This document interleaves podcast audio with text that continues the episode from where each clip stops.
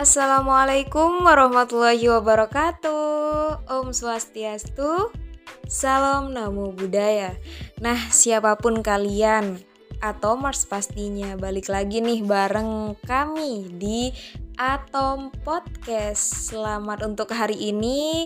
Kalian kita nih kita masih bisa bernafas bersama bisa mendengarkan. Saya juga bisa sedikit berbagi nih uh, tentang apa nih kira-kira ya aduh jadi penasaran kan Oh iya, jangan lupa saya nggak pernah sendirian di sini. Eits, tapi bukan berarti saya berbicara dengan makhluk gaib ya. di sini saya bareng ya siapa ya tebak kalau masih ingat. Ya, ayo dong bersuara. Hey Ken. Halo. uh, kira-kira atau harus pada penasaran gak ya untuk episode kali ini kita bahas apa? Mau kamu gimana? Hmm, kira-kira enaknya bahas apa nih untuk season ini? Eh, tahu dong hari ini hari apa? Hari apa ya? Tanggal berapa dulu? Hari ini hari Senin tanggal 5 dong. Tentunya. Kenapa ya di tanggal 5 kayak sakral gak sih? Mis gak mistis sih sebenarnya, sakral aja gitu. Sakral dong bagi uh, siapa dulu yang menciptakan apa nih? Atomers gitulah teman-teman. Iya bener banget.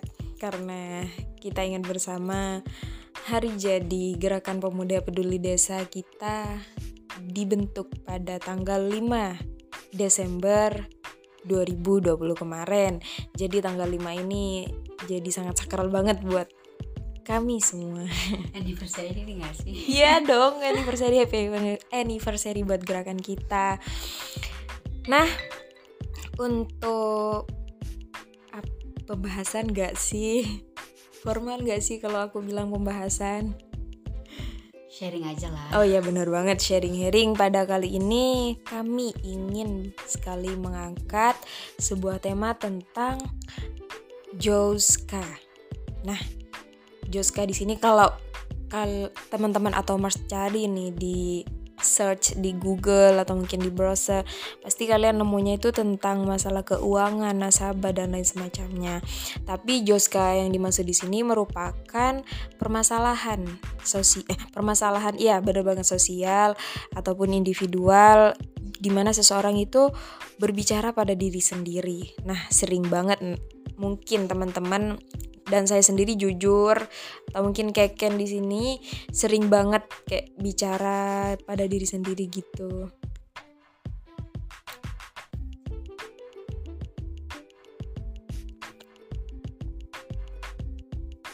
jeda sedikit tadi teman-teman. Oh iya jangan terlalu formal juga ya. Nanti kalian dengernya bosen ya nggak sih Ken? Tentunya dong.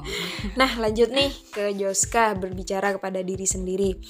Nah Ken kemarin kan kita sempat baca nih sempat dengerin juga. Menurut kamu nih ya berbicara pada diri sendiri tuh wajar nggak sih? Atau mungkin ada istilah lain yang mengistilahkan apa sih e, berbicara pada diri sendiri menurut kamu gimana? Menurutku untuk apa namanya berbicara dengan berbicara dengan diri sendiri tentunya wajar lah ya. Berbicara dengan diri sendiri itu merupakan refleksi bagi diri kita masing-masing apa sih yang harus kita lakukan. Nah kadang kita itu melakukan sesuatu pasti kita berbicara dengan sendi diri sendiri. Bener nggak ya gue ngelakuin ini bener nggak ya nah tentunya kita juga perlu uh, apa namanya ada interaksi dengan diri sendiri di mana interaksi ini tidak diketahui oleh siapa pun kecuali diri kita sendiri. Nah, oh ya sejauh ini kita kan diistilahkan sebagai makhluk sosial. Tapi kan gak selamanya seperti itu ya. Ada kalanya kita juga sering menyendiri atau enggak sendirian gitu-gitu. Mungkin hal ini terjadi pada saat tersebut. Karena memang saya sendiri kan itu sering gitu pas hmm, entah itu datang dari luar atau mungkin pernah ngalamin apa gitu. Setelahnya kayak ngerenung sendiri gitu. Nah di pikiran tuh kayak berkecambuk gitu bicara sendiri lah. Nah eh, kok gue ngelakuin ini ya tadi?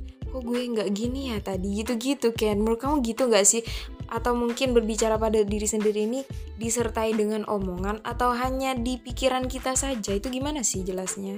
Nah, berbicara dengan diri sendiri itu adalah bukan dengan omongan melainkan kita berbicara dengan pikiran kita sendiri. Boleh kita lakukan baik sambil rebahan maupun kita berjalan. Nah, mungkin juga bisa kita lakukan saat melakukan mindfulness. Nah, mindfulness itu kan bagaimana kita uh, merasakan sebuah emosi yang tidak bisa kita lepaskan atau kita, tidak bisa kita ucapkan kepada orang lain namun kita bisa lakukan dengan mindfulness itu sendiri ketika berjalan kita rasakan dan boleh dari itu kita tanyakan pada diri dari pada diri kita sendiri apa sih yang harus kita lakukan? Misal nih kamu memiliki sebuah perencanaan. Perencanaan ingin membuat suatu apa ya istilahnya melakukan hubungan dengan orang lain itu bagaimana sih? Nah kadang diri kita itu berpikir kalau aku nanti bersikap seperti ini bagaimana ya? Nah itu merupakan persiapan diri kita tuh e, nantinya.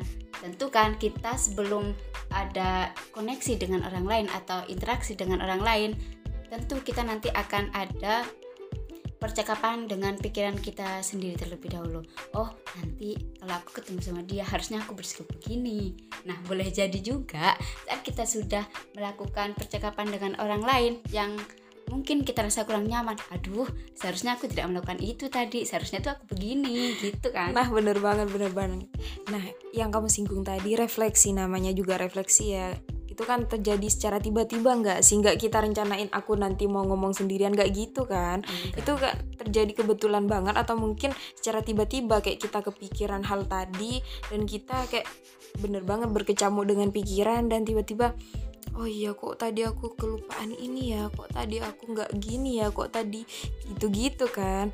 Dan itu kalau aku sih kayak disertai omongan gitu kan kayak pas jalan contohnya ya tiba-tiba aku ingat masalah kemarin. Nah awalnya sih di pikiran kayak berbicara di pikiran tapi lama kelamaan ah enggak deh kok gue gini ya kok gue gitu gitu gitu. Kayak itu wajar nggak sih? Kayak kan pandangan orang ke kita itu nggak tahu kita itu sistemnya kayak apa kok bicara sendiri gitu. Nanti disangka kayak uh, sakit jiwa tuh orang kali ya. Kalau orang bodoh amatan kan ya udah biasa aja. Tapi kalau orang baperan nih kayak saya iya.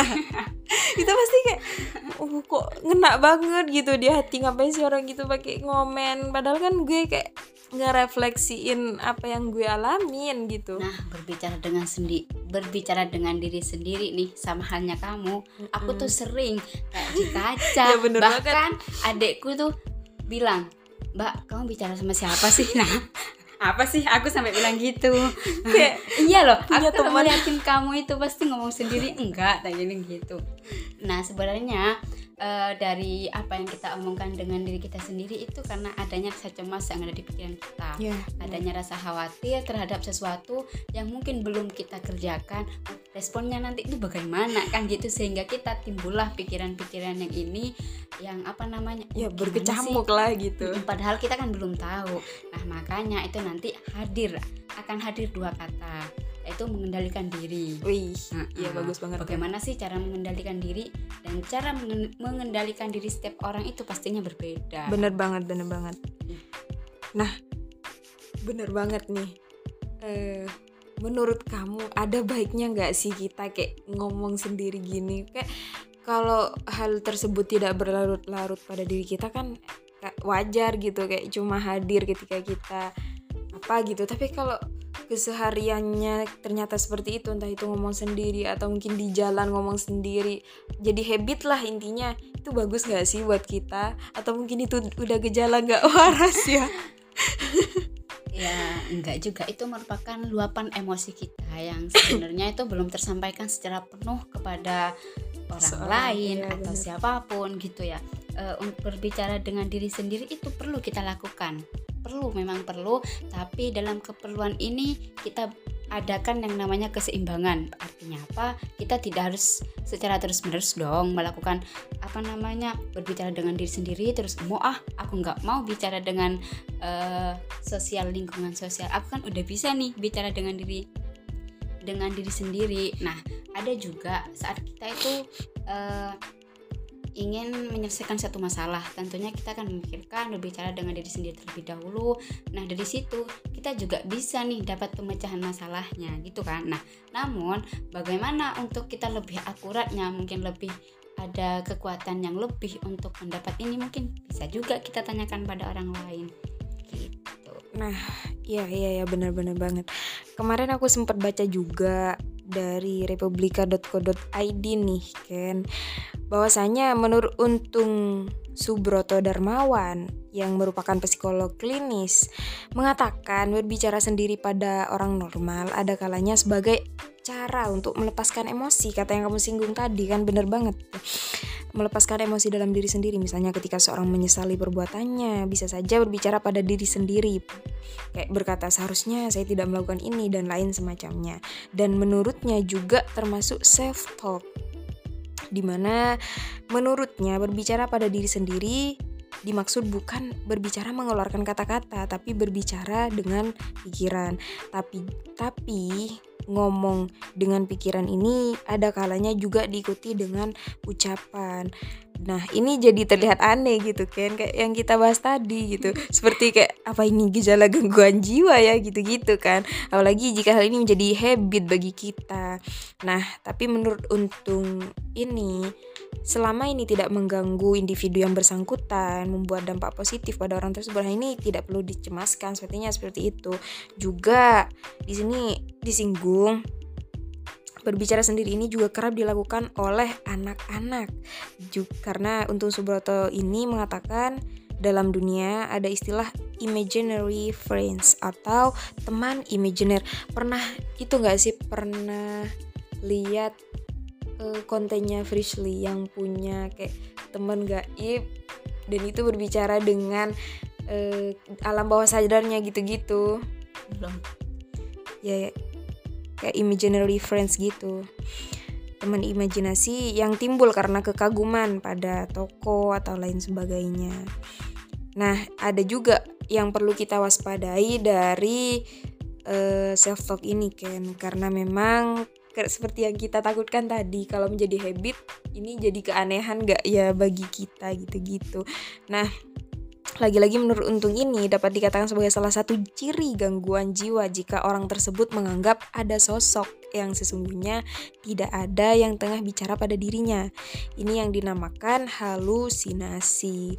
Nah, karena juga halusinasi ini banyak jenisnya gitu-gitu. Jadi kalau mengarah itu bisa dikatakan katanya kan bisa masuk pada istilah tersebut gitu loh ada kalau yang masih ma langsung masuk ke halusinasi itu nanti ada yang mengistilahkan ke skizofrenia. Itu lain halnya itu lain lagi dengan jauska. Jauska ini hanya pada kita yang berdiri dengan yang berbicara dengan diri kita sendiri. Beda juga nanti sama overthinking. Nah overthinking gitu memikirkan hal yang belum terjadi dengan berlebihan gitu kan. Nah sedangkan Joska ini pasti ada batasan-batasan yang kita harus apa namanya kendalikan oleh karena itu ada istilah mengendalikan diri itu juga manfaat dari apa namanya manfaat dari adanya Joska ini nih dilansir dari doktersehat.com itu dijelaskan di sini bahwa ada sembilan uh, manfaat dari Joska ini yang pertama mengatasi rasa cemas. Yang kedua, meningkatkan daya ingat. Nah, namun meningkatkan daya ingat ini jika bisa lebih baik itu nanti dituliskan sehingga nanti kita bisa melak misalnya gini nih, oh. kita melakukan sesuatu hal yang sama nantinya. Oh, solusi yang sebenarnya bukan yang seperti ini. Oh, mendokumentasikan gitulah apa yang kita iya ya benar-benar. Uh -uh. Yang ketiga itu meningkatkan konsentrasi, yang keempat mengendalikan pikiran, yang kelima membantu menyelesaikan masalah, yang keenam menambah motivasi, yang ketujuh meluapkan emosi, yang kedelapan menimbulkan perasaan bahagia, yang yang kesembilan menjaga kesehatan fisik. Nah, Wah, bagus banget ternyata ya. Namun yang dimaksud dalam nomor 8 di sini yang menimbulkan perasaan bahagia itu maksudnya gini loh. Kita nanti akan ada perasaan lega atau puas saat uh, sudah melakukan interaksi dengan pikiran kita sebelum kita berinteraksi dengan orang lain wah akhirnya bisa lah seperti itu dan lain sebagainya nah bener banget nih Ken jadi kayak berbicara pada diri sendiri ini ada efek positif, ada negatifnya juga yang namanya juga seisi dunia ini pasti bergandengan kan gitu. ya. ya. Jadi ada kalanya sih saran dari kami berdua ketika kita kita nih saya dengan kalian. Mungkin nanti uh, secara refleksi kata Kiken tadi melakukan self talk atau bicara pada diri sendiri ya diusahakan. Itu kan di alam sadar kita kan kan bukan di alam bawah sadar kita. Kita masih bisa kendalikan kan. Kayak kita uh, berkecamuk dengan pikiran dan kita harus mencari solusinya juga seperti itu. Benar banget tadi kita melakukan refleksi ini bukan melakukan refleksi ini terjadi menimbulkan hal yang menjadi uh, prepare kita persiapan kita untuk menghadapi suatu masalah untuk mengatasi masalah seperti itu kan kan? Itu kan ya? Ya, ya. duh sudah 15 menit ternyata nggak kerasa banget. Uh, semoga kita semua tetap dalam lindungan Tuhan yang Maha Esa tetap patuhi protokol kesehatan ya kan Ken? Biar kita semua sehat. Dan untuk uh, para atomers di rumah jangan lupa banyak minum juga olahraga nih biar sehat. Kira-kira kalian boleh banget nih nanti komen di IG kami GP2D Payu dan Daleman untuk topik selanjutnya maunya apa nih Ken? Boleh. dan kami insya Allah bakal mendatangkan para narasumber-narasumber yang insya Allah ya nggak kayak kita lah. Orangnya masih kecil minimalis ilmunya juga gitu ya. Juga masih Dasar sedikit. Ya, ya. benar banget. Eh, terima kasih. Saya ucapkan ada sedikit.